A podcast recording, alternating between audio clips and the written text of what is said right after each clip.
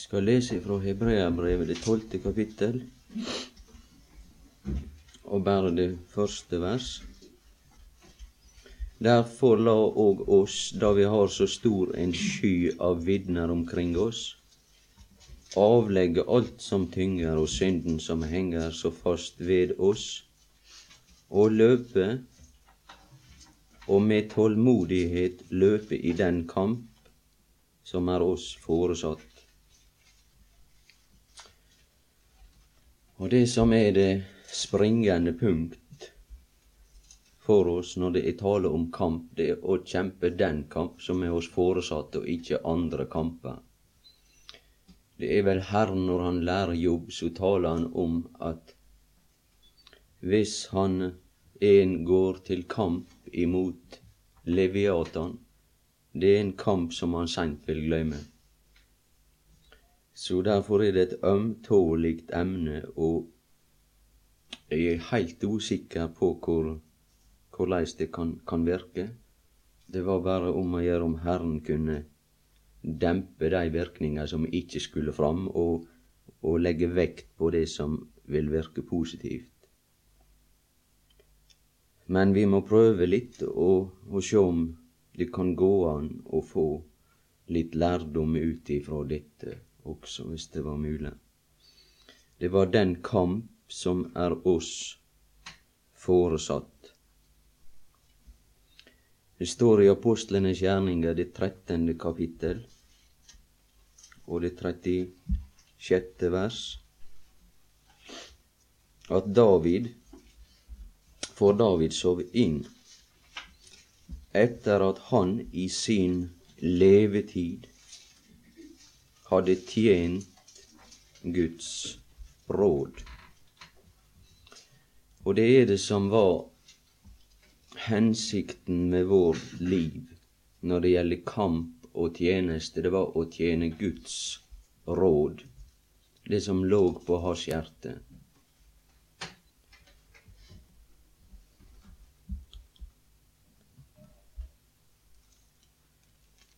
Vi skal sjå i Første Samuel bok 14.1. Der er en som hadde nær tilknytning til David.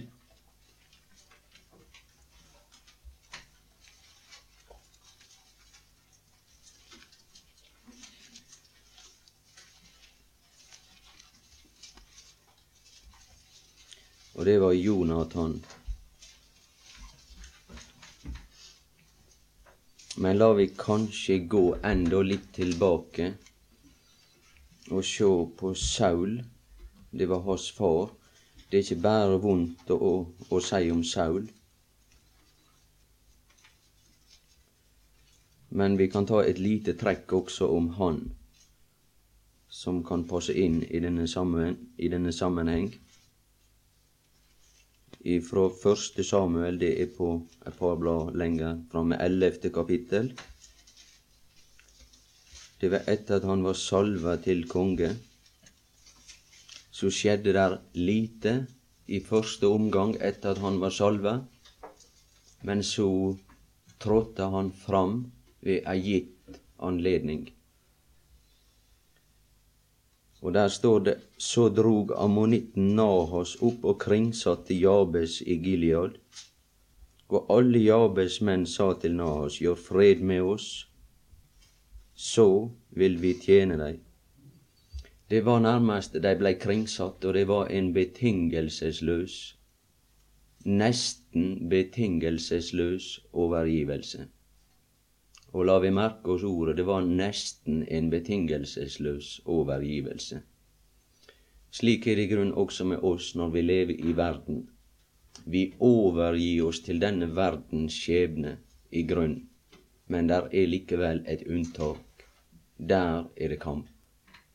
Der skal vi kjempe, der kan vi kjempe. Men ammonitten Nahos svarte. Han var ikke fornøyd med det. Og derfor så sier han det, på det vilkår vil jeg gjøre fred. Og derfor så er ikke det fred i verden i vår situasjon, der vi befinner oss. På det vilkår vil jeg gjøre fred med eder, at det høyre øyet stikkes ut på eder alle. Den skjensel vil jeg legge på hele Israel. Men der var det også stopp på overgivelse. Her brydde det opp til krig. Og det var en krig som de ville komme til å minnes, disse ammonittiske menn. For de fikk med en å gjøre i denne forbindelse. Da sendebudene kom til Sauls Gibea, det er i det fjerde vers, og bar frem sitt ærend, ja, det blei lagt fram for, for Saul, det som her hadde skjedd. Da sendebudene kom til Sauls Gibea og bar fram sitt ærend for folket, brast alt folket i gråt I samme stund kom Saul gående hjem fra marken bak etter sine okser. Var i veien med folket siden de gråter, og de fortalte ham hva mennene i Jabes hadde sagt. Da Saul hørte dette, kom Guds ånd over ham, og hans vrede opptentes høylig. Så langt kan vi følge Saul. Og vi skal bare gå over til Jonathan, som eh, vi finner ifra begynnelsen av det fjortende kapittel.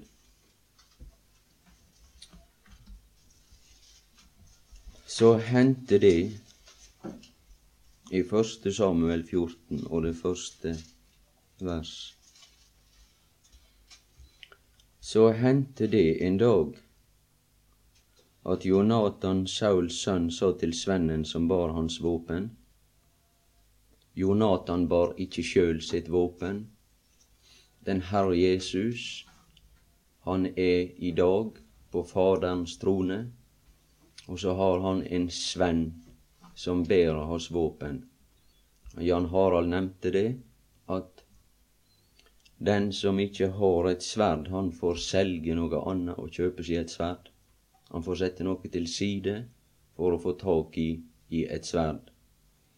Og det vil da si at vi må gi avkall på noe for å ikke kunne kjøpe oss en bibel. Det fins ikke problem for noen i dag, i vår situasjon. Men for å få tak i et sverd, vil si innholdet av Skriftene, som er vårt våpen. Og hvis en fiende vil stikke ut våre øyne og si det, at vi skal ikke kunne ha lys i Skriftene for å stille opp noe som er Guds kunnskap, slik at det andre faller i grus, da er også vårt tålmodighet slutt. For det stender om Israel at Herren våker over Israel som sin øyensten. Og det samme vil Herren sørge for å ta vare på også i vår tid. Han skal bevare vårt syn, slik at ingen skal få røre ved våre øyne. Men der er det også kamp på det området. Og de som stender lengst framme, de har kjennskap til dette. De kanskje yngste og, og enkelte vil lite forstå av det som som jeg mener i, i denne, det som der var sagt.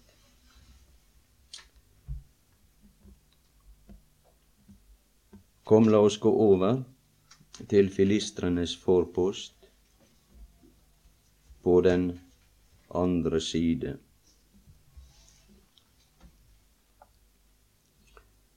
Så står det litt om denne tildragelse. Vi kan bare betrakte litt av disse trekk og sjå når det gjelder vår vandring i verden, og når det gjelder vår kamp for evangeliet og for sannheten. så kan vi sjå på litt av disse vers som her står. De begynte der å bevege seg. I det tredje vers Men folket visste ikke at Jonathan var gått bort. Der er alltid en, en eller annen som må gå i, i forveien. Her stender Jonathan som et forbilde på en slik, som beveger seg uten at folket visste om det. Og folket i store mengder, de kom seinere til og var med, men de visste ingenting om at han her begynte å gå, og han vant denne seier omtrent aleine. Han og hans våpensvenn. Kan være litt farlig i grunnen, å det kan være lett å drage sammenligninger. Men iallfall har det være ei utfordring for dei som, som skal komme og, og vil være noe for Herren. Det er ofte det vi må ha vår utdannelse og våre prøvelser og våre kamper i ensomhet, og det er ikke støtte å få av folk i den forstand. Alt vil bli åpenbart på et seinere tidspunkt. Det er slik det alltid vært. Og så gikk disse to mellom skarene i det fjerde vers. Mellom skarene, altså det er et fjellpass, som Jonathan søkte å komme frem igjennom for å nå til filistrenes forpost. Der var det en fjellformasjon som var slik at det var ei bratte klippe på hver side. Og jeg skulle anta det at dette her kanskje har vært ei klippe, og så er det vært et jordskjelv eller noe slik at denne klippe har delt seg.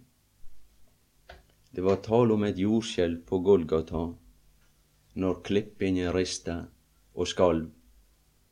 Og den Herre Jesus, han var den klippe som var heile og kompakt. Men også er der åpna en vei i forbindelse med Kristi død, og det er den vei vi går. De gikk fram gjennom dette fjellpass, og disse her fjellklipper på hver side, de heter for Boses, står det i slutten av det fjerde vers, og den andre Sene.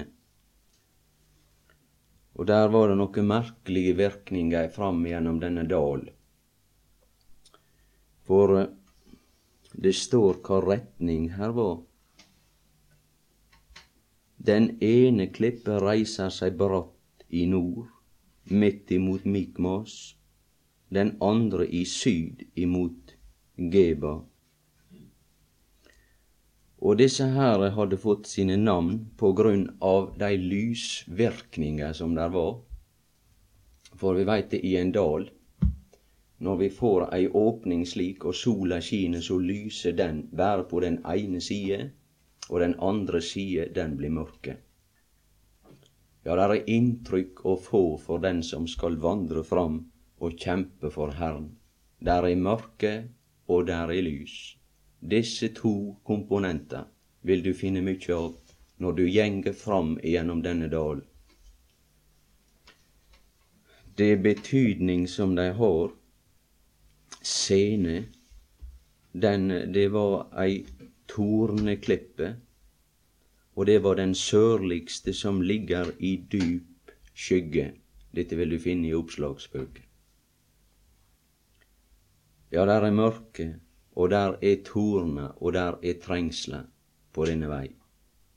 Men så er det det at den andre side, der er det lys, og det er den nordligste som ligger bada i lys, og den reflekterer sol det meste av dagen. Det var denne vei som Jonathan gikk. så gikk disse to sammen. For vårt vedkommende blir det da ei vandring som Jonathans våpensvenn. Og så står det det i det, i det sjette vers. Der er ei innstilling å gå med. Så sa Jonathan til svennen som bar hans våpen, Kom, la oss gå over til disse uomskårnes forpost. Heile Israel lå på defensiven for disse fiender. Men så var der én mann som gikk sammen med sin våpensvenn. Kanskje Herren gjør noe for oss. For intet hindrer Herren fra å frelse, enten det er ved mange, det er for så vidt ikke noe hindring, eller ved få. Hans våbensvenn svarte ham. Dette burde være grei tale, det er klart kan det er tale om. Det er du som vil være med, og det er jeg hvis jeg vil være med i Herrens kriger. Hans våpensvenn svarte ham, Gjør alt hva du har i sinne. Det er det som skal fullbyrdes, ingenting annet. Det som Jonathan, det som Jesus har i sinne. Gå du bare, jeg skal følge deg hvor du vil. Og denne her våbensvenn, han fikk ei kolossalt takknemlig oppgave denne dag. Ei takknemlig oppgave. Jeg vil aldri våge å gå i krig på andre vilkår enn det som Jonathans våbensvenn hadde denne dag. Det blei for risikabelt. Jeg har nok vært ute også på andre måter, og det vil jeg prøve å unngå, for det blir en strid som oss vil huske.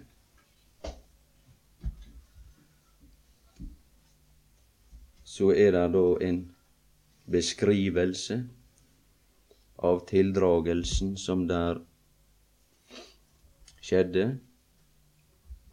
Det kan ikke vi gå inn på i detalj. Men det trettende vers skal vi ta med. Så kløv Jonathan opp på hender og føtter. Hvorfor er det en, en slik beskrivelse? At Jonathan kløv opp på hender og føtter. Ja, det kan vel kanskje virke litt søkt, men jeg tror Jan Harald iallfall forsto hva han ville legge i det. Det så slik ut. Den Herre Jesus, han var iallfall på korset og det var hender og føtter. Han var nagla fast til dette kors. Og der slo han fienden og gjorde det av med dei. På en måte. Vi skal, hvis tida tillater det, komme tilbake til hvorfor det er strid når Herren har slått våre fiender, og prøve å legge det ut. Det er ikke sikkert det blir tid til det i denne time.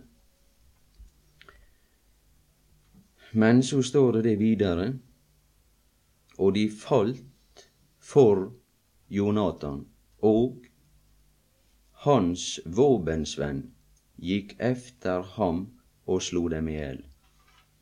Ja, ja, det kan høres morderisk ut på en måte, men det er skrevet til oss for å illustrere det som skjedde på Golgata. Slik er det jeg benytter dette. Det er enhver høyde som reiser seg imot kunnskapen om Gud. Det er dømt på forhånd, slik at vi går bare bort og tar og gjør det av med dette og gjør den siste reist. Bygninga den er underminert, så vi bare tenner lunta, så rauser det hele sammen. Det er slik denne virksomhet går for seg. Den som følger etter Jonathan på hans ferd. La vi løpe i den kamp som er oss foresatt. Og det at vårt løp er sammenligna med krigstjeneste, det kan vi finne i andre Timotius, det andre kapittel.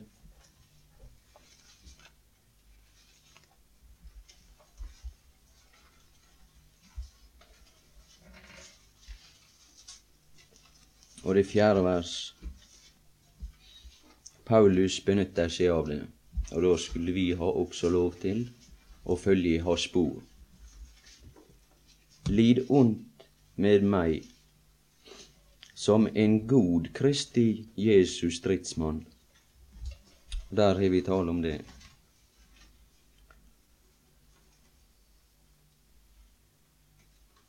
Og så står det da at eh, Ja, der er ei formaning, men det femte vers. Men om noen også strider i veddekamp, der kommer det inn på ei litt anna side, så kanskje vi skal få tid til å berøre. Får ikke kransen hvis han ikke strider på den rette måte. Og videre det sjette vers, det som er begynnelsen. Det blir også kalt for arbeid. Den bonde som arbeider, bør først nyte fruktene, står det i det, i det sjette vers. Og det som var nevnt i forbindelse med denne strid så vidt i andre Korinterbrev 10, det var sitert også tidligere ved forskjellige anledninger. Vi kan bare være oppmerksom på hva det står andre Korinterbrev 10, og fra det andre til det femte vers. Der står det tale om disse tankebygninger og disse høyder som reiser seg imot kunnskapen om Gud. Men så er det da forhold å ta i betraktning for en Jesu Kristi stridsmann. For Bibelen han har, slik som enkelte sier, tilsynelatende motseielse. I andre Timotius 2, 23 Tilsynelatende, altså, så er her motsigelser, men ikke i realiteten. Det hele beror seg på å forstå hva det dreier seg om. Og jeg hadde ikke godt lys over disse sannheter før jeg, jeg begynte her, og det kan hende jeg skal nevne det bare nokså flyktig, og heller gå til et bilde som vi har i, i første kongebok, men vi får prøve å ta det med. Det verste det ville være om en eller annen skulle bli egget til strid slik at vi blir stridige av oss på forskjellige områder. Det er den verste egenskap som oss kan få. Og oppegg eders barn til vrede, stender det tale om. Det, det må unngås. Men la vi da ta med 2. Timotius 2, 23. Og der står det hvordan vi skal takle visse spørsmål. Vis fra deg Timotius. Det var han som kom etter Paulus. Paulus han kunne være med på forskjellige vis. Han var ikke noen alminnelig mann, Paulus. Han var et utvalgt redskap. Det er ikke noen av oss. Vi er ganske alminnelige folk som ikke fortrinn har på noe vis. Vi er ikke en som har sett den Herre Jesus. Så eh, vi kan være litt forsiktige når vi følger Paulus. Men derimot, når vi følger Timotius, så kan vi føle oss mer på heimebane. Og vis fra deg de dårlige og uforstandige stridsspørsmål, for du vet at de føder strid, en, men en Herrens tjener må ikke stride. Han må være mild imot alle og duelig til å lære andre og i stand til å tåle ondt. Å tåle ondt, det vil si å bare ta imot uten å svare igjen. Og i andre Timotius 2 og det samme kapittel, altså, og det fjortende vers, minn om dette. I det du vitner for Herrens åsyn, at de ikke skal ligge i ord, krig, til ingen nytte, men til undergang for dem som hører på. Det er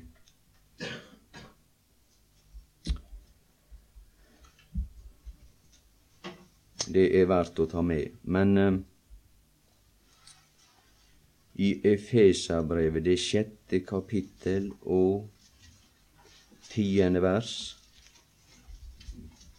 så er det tale om Guds fulle rustning, og det er tale om djevelens listige angrep. Et angrep på tørre nevene slik, det Da eh, er det alle som veit hva det dreier seg om. Men så er det det som er saken, at hvis det er et listig angrep, så veit vi ingenting om dette angrep før vi er slått, når det er et listig angrep. Slike angrep er det djevelen benytter seg av i vår tid. Og derfor så må vi rustes til denne strid. Jeg tror ikke det er mye jeg kan ta med av det som står her, men Efeserbrevet og det sjette kapittel iallfall gjør oppmerksom på, på det. Og der står det i det tiende vers Bli sterke i Herren. Vi nevnte vel litt om Samson, som var i stand til å løfte denne byport og bære den vekk. Det var et festningsverk, og så fjerna han dette stengsel. Og vi mintes vel Paulus, som var sterk når han var skrøpelig og vel til mote i skrøpelighet, for da er jeg sterk. Ja, det er tilsynelatende motsetninger det er fullt av, men måtte Herren ordne det slik at det kunne bli et inntrykk som gjorde oss rusta til å stå og stride på den rette måte. Ikle eder Guds fulle rustning, så dere kan stå eder mot djevelens listige angrep. Det som er med djevelen, det er det at han sier det at ei heiter Jesus Kristus. Og så kjem han til oss og vil tilføre og vil handle med oss i stand for Han som er vår sanne frelser og Herre. Det er det som, som er det svære. Men vi kan ikke, jeg kan ikke makte å, å komme nærmere inn på disse forhold. Men her står det oppnevnt disse mange forskjellige forsvars- og angrepsvåpen som er nevnt. Det får bare bli opp til en enkelt å lese og den ferdighet til kamp som fredens evangelium gir. Der er nok ei hemmelighet i det at vi kan på en måte ta det ganske med ro i forbindelse med djevelens angrep. For det er slik at denne krig, han er slutt og det er fredens evangelium som blir forkynt. Det er nettopp det som er våpenet å sette inn, at djevelen han er en beseira fiende. Men så vil han forføre denne verden, de som hører Jesus til, til utroskap, og de eh, som ennå ikke er, er frelst, så vil han gi seg ut for å være Gud. Han er antikrist. Han gir seg ut for å være Gud, og han skal føre mange vill. Men det er de som forkaster Kristus, som skal bli ført vill av Han og ende i den store trengsel. den tid som verden gjenger i møte. Skal vi sjå et våpen som er legalt, som er lovlig å benytte seg av. Efeserbrevet 3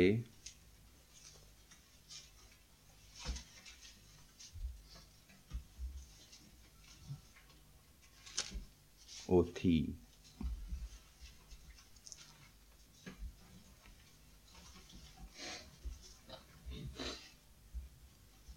Ja, og det, det gjenger langt framover der.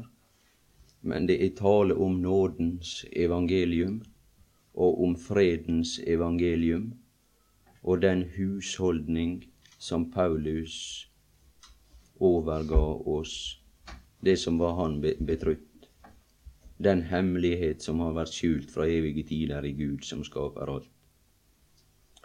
Så står det tale om Guds mangfoldige visdom nu ved menigheten skulle bli kunngjort for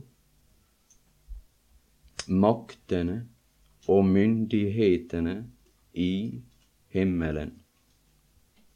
Dere har ikke kamp imot kjød og blod, men mot makter, mot myndigheter, mot verdens herrer i dette mørket, mot ondskapens ånde her i himmelrommet. Det som ble sitert ifra Efeserbrevet 6 og 12. Det er av og til det har vært sagt når vi har vært samla nokre få sjeler på et lite møte heime, der det av og til der har vært slike lørdagsmøter. Og Jan Harald Veien og kjempa med disse møtene. Der er nokre som har vært trofaste og hørt på, slik at vi skulle få lære oss opp til å bli predikanter. Det er forunderlig på en måte for ei, ordning. Men så har det av og til vært sagt det at der er kanskje fire, fem eller sju, åtte eller samme hvor mange det kan være slik. At det er voldsomme tilhørere som dette budskap gjør inntrykk på, og som dette budskap slår ned. Det er disse her som stender Kristus imot. Og hvis det blir forkynt Kristi seier og Hans makt og velde fredens evangelium, og at han har vunnet seier på korset, så tek det makta ut av disse krefter. Så der er det vår kamp. Det er sannheten om Kristi seier. Ja, ja, det kunne visst ha vært litt bedre sagt. ved menigheten skulle bli kunngjort for maktene og myndighetene. Kunngjøre dei at dei er slått. Men så var det da nevnt at det tross alt er en kamp. Det kan verke som det blir motsigelser. Skal prøve å illustrere det litt med et eksempel ifra første kongebok, ja, da kommer det til å gå enda ei lita stund.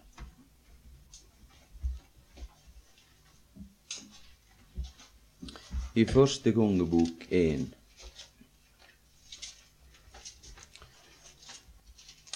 tenkte jeg skulle finne et lite uttrykk for å ha noe å og, og, og feste dette til. Det var bare noe jeg skal lese fra Efeserbrevet. Det, det er Bibelen sin måte å tale på. Og det er det som står i Efeserbrevet 31, men bare ikke ta tid å slå det opp, eller notere det hvis du er interessert i det. Derfor skal mannen forlate far og mor og holde seg til sin hustru, og de to skal være ett kjød. Og de to er ett kjød. Det er det som er virkeligheten. De som som inngått ekteskap. Denne hemmelighet er stor, men jeg tenker hermed på Kristus og på menigheten. Og tilbake til første kongebok. Der finner vi den unge jenta som Salomos høysang er skrevet om. Så derfor kanskje det bare skulle gå fort til Salomos høysang, og der beskriver han ei som han har fått hjertens kjær, Salomo. Vi kommer tilbake til Salomo i første gongebok. Jeg er Sarons blomst, dalens lilje. Det er denne Kristus elska, og det er det bildet det taler om. Det var dalens lilje som en lilje blant torner. Og det var denne verden, når den var underlagt forbannelsen, så var det torner og tistler som skulle vekse opp, men hans kjærlighet, den forsvant ikke. Så elska han denne lilje iblant torner, og så ga han seg sjøl for å kjøpe denne kvinne fri Sort er jeg, men yndig. Og så er det gjensvar, og vi skal sjå det at det navn, det kjælenavn som denne har, det står i det sjette kapittel og trettende vers. Vend om, vend om, skjula mitt. Vend om, vend om. Og der kunne vel vært forskjellige ting og sagt. Der er de som har vendt seg etter Satan og etter denne beiler som er ute for å røve Kristi brud. Det er der det vi har vår strid. Så det er det det taler om. Og Paulus tok sikte på å fremstille en ren jomfru for Kristus. Og hennes brud er det gitt og hans brud, og henne er det gitt å kle seg i rent og skinnende, hvitt og fint lin. Det var litt av disse forhold å lære Kristus å kjenne for å ikke vende seg bort til en beiler som ingenting er å samle på. Det er den gamle slange. Det er han som attrådde den samme som Sønnen hadde fått ei kjærlighet til, og som han var knytta til med evige bånd. Og der må vi langt tilbake i tida for å finne det. Men denne finner vi igjen i første kongebok. Hun kom til kongens hus i det første kapittel i første kongebok. Og det står det i det fjerde vers. Vi kan ikke gå i detalj, men de som vil, kan lese ifra begynnelsen av kapitlet. David var gammel, den gamle av dage, den evige Gud, dette skygga. Så var der ei, en vakker pike. Det var nevnt om utvelgelse. Kristus, han valgte de som var av hans egen ett til å elske og forløse og kjøpe til, til brud for seg. Det var en meget vakker pike i hans øyne. Sjøl kunne ikkje ho sjå noe vakkert, og slik er det visst det er hatt snakk om, at, og at du kunne elske en, en fattig brud. En sådan brud, eller det var en meget vakker pike i, i hans øyne, og derfor så var det han som var arving til heile Davids rike og til alle ting, så hadde han utvalgt denne til å dele all si herlighet med. Så står det da et trekk. Men Adonja, sønn av Haggit, gjorde seg høye tanker og sa, Jeg vil være konge. Det var det som lå i djevelens tanke. Jeg vil være konge. Og hvis djevelen kunne få fatt i mennesket, så var det det samme som han ville overta hele riket. Det skal vi finne. Ja, det er et gammelt sjalusidrama, i grunn, det dreier seg om. Så sto det visst det i Salomos høysang, jeg tror det var nevnt her, at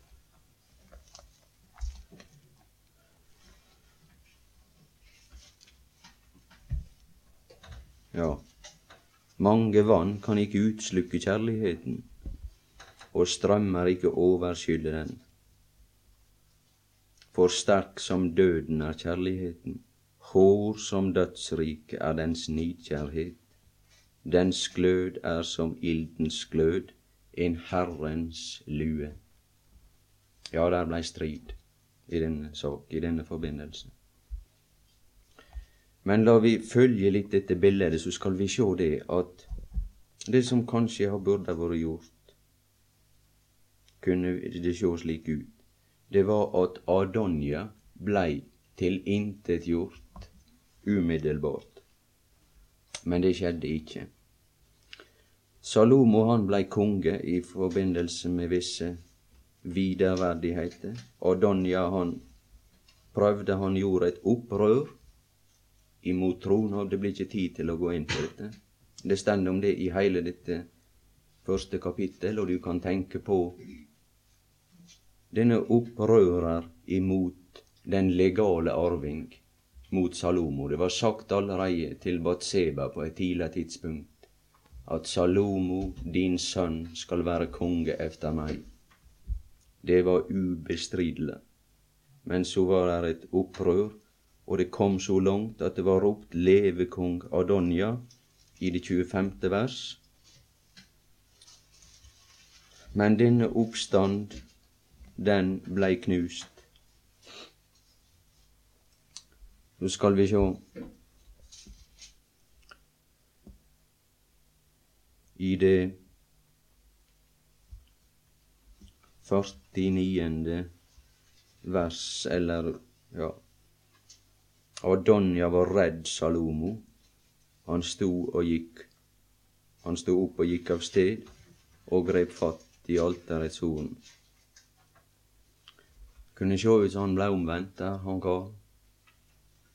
Han grep fatt i alterets horn. Det var en falsk omvendelse. Hans hjerte, det var det samme. Dette blir veldig fort gjennomgått. Vers 52. Så sa Salomo vil han være en bra mann, skal det ikke falle et hår av hans hode til jorden. Og det kan sjå ut som at Gud og Kristus, etter at han slo den gamle slange, så er han på en måte enda gitt han en frist til en slags eksistens uten bånd og fengsel og evigdom hvis han bare ville holde seg passiv og ikke søke tilbake til det som er oss eldgamle åtrå, Sannens trone. Vil han være en bra mann, skal ikke falle et hår av, av hans hode, sier han. Men skal vi følge litt dette bildet videre, og det er det andre kapittel og det trettende vers. Men Adonja Haggits sønn kom inn til Batseba, Salomos mor. Jeg hadde så nær sagt Maria, Jesu mor. Jeg hadde nesten sagt Maria, Jesu mor.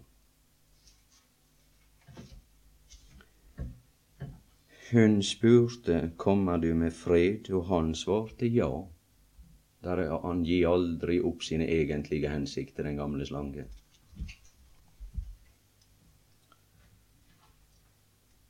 Det passer bra på katolikker, dette her. Så sier han det. Du vet at riket var mitt, og at hele Israel hadde festet sine øyne på meg og ventet at jeg skulle bli konge. men kongedømmet gikk fra meg og over til min bror. Det var Herren som gav ham det. Og så fikk han medynk på en måte hos denne, og han forførte henne, førte henne bak lyset. Da sa han, be kong Salomo, for dei viser han ikke bort, at han vil gi meg Abisag fra Sunem, eller det ord som der står Sunem, det kan like godt være Sulem, og det er den sulamittiske pike. Det er Sulamitt. Det var Salomos elskere. Det var den som var utkåra for Salomo. Og det var i realiteten hun som hadde Det står om denne, i, det kan du sjøl lese i det første kapittel. Jeg tror ikke jeg kan lese det. Men det står der om hennes stilling og plass i forbindelse med, med David. Det går an å lese åndelige lærdommer ut av det. Jeg skal ikke lese det. Batseba sa, Godt jeg skal tale til kongen for deg. Så gikk Batseba inn til kong Salomo for å tale til ham for Adonja, og kongen sto opp og gikk henne i møte og bøyde seg dypt for henne. Deretter satte han seg på sin, på sin trone. Og så sier hun det i det tjuende vers. Det er bare en eneste ting jeg vil be deg om. Du må ikke vise meg bort. Kongen svarte, kom med din bønn, mor, jeg skal ikke vise deg bort. Da sa hun, la din bror Adonja få Abisag fra Sunem eller fra Sulem til hustru. Men kong Salomo svarte sin mor. Hvorfor ber du om Abisag fra Sunem for Adonja? Be da like så godt om riket for ham. Det var det som var det svære. Og det viser seg det at etter denne prøvetid så blir den endelige dom felt så blir den endelige dom felt over Adonja. Det endelige resultat for den gamle slange, det blir det. Han var ikke verdt å ha den frihet som han har. Og han blir bunden med lenke for tusen år og sett i varetekt. Og etter ei kort tid så blir han for evig kasta i ildsjøen til den endelige dom på grunn av at han gikk videre i ondskap og rørte ved den som Herren elska, og som tilkom Han, og som tilkom Han åleine. Så skal vi da heilt til slutt lese Det blei for lang tid brukt, men eh, vi må lese ifra apostlenes gjerninger og få dette inn i den rette sammenheng vår kamp for evangeliet. Ja, det er ett ord som vi ikke har nevnt der, men det er andre Korinterbrev 11 og det andre vers. For jeg er nidkjær for eder med Guds nidkjærhet. Jeg trålovet jo eder med én mann for å fremstille en ren jomfru for Kristus. Men jeg frykter for at like som slangen dåret Eva med sin list, således skal også eders tanker forderves. Det er det han frykter for. Eders tanker. Og vendes bort fra den enfoldige troskap mot Kristus. Det blir ikke tid til å si noe om det. I apostlenes gjerninger, det tjuende kapittel, og det 24. vers, der er det tale om Paulus og hans løp, slik som han fullbyrda med sitt liv Guds råd. det som var for han. Men for meg selv vokter jeg ikke mitt liv et ord verdt, når jeg bare kan fullende mitt løp og den tjeneste jeg fikk av den Herre Jesus, og vitne om Guds nådes evangelium. Og nu se jeg vet at dere aldri mer skal se mitt åsyn, alle dere som, som jeg gikk omkring iblant og forkynte riket. Derfor vitner jeg for eder på denne dag at jeg er ren for alles blod, for jeg holdt ikke noe tilbake, men forkynte eder hele Guds råd. Så gi da akt på eder selv og på hele den jord som Den hellige ånd satte eder til tilsynsmenn for, eder, satte eder til tilsynsmenn i, for å vokte Guds menighet som Han vant seg. Det er det Det er det som blir sagt om et rett forhold som, som oppstår mellom mann og finne, som han vant seg. Som han vant seg ved sitt eget blod. Og så er det tale om det som skal skje jeg vet at efter min bortgang skal det komme glupende ulver inn blant dere, som ikke skåner jorden. Ja, blant dere selv skal det fremstå menn som fører forvent tale for å lokke disiplene etter seg. så kan ikke vi lese videre, men det er verdt å lese alt som står også i fortsettelsen. Men det var den Guds menighet som han vant seg ved sitt eget blod. Amen.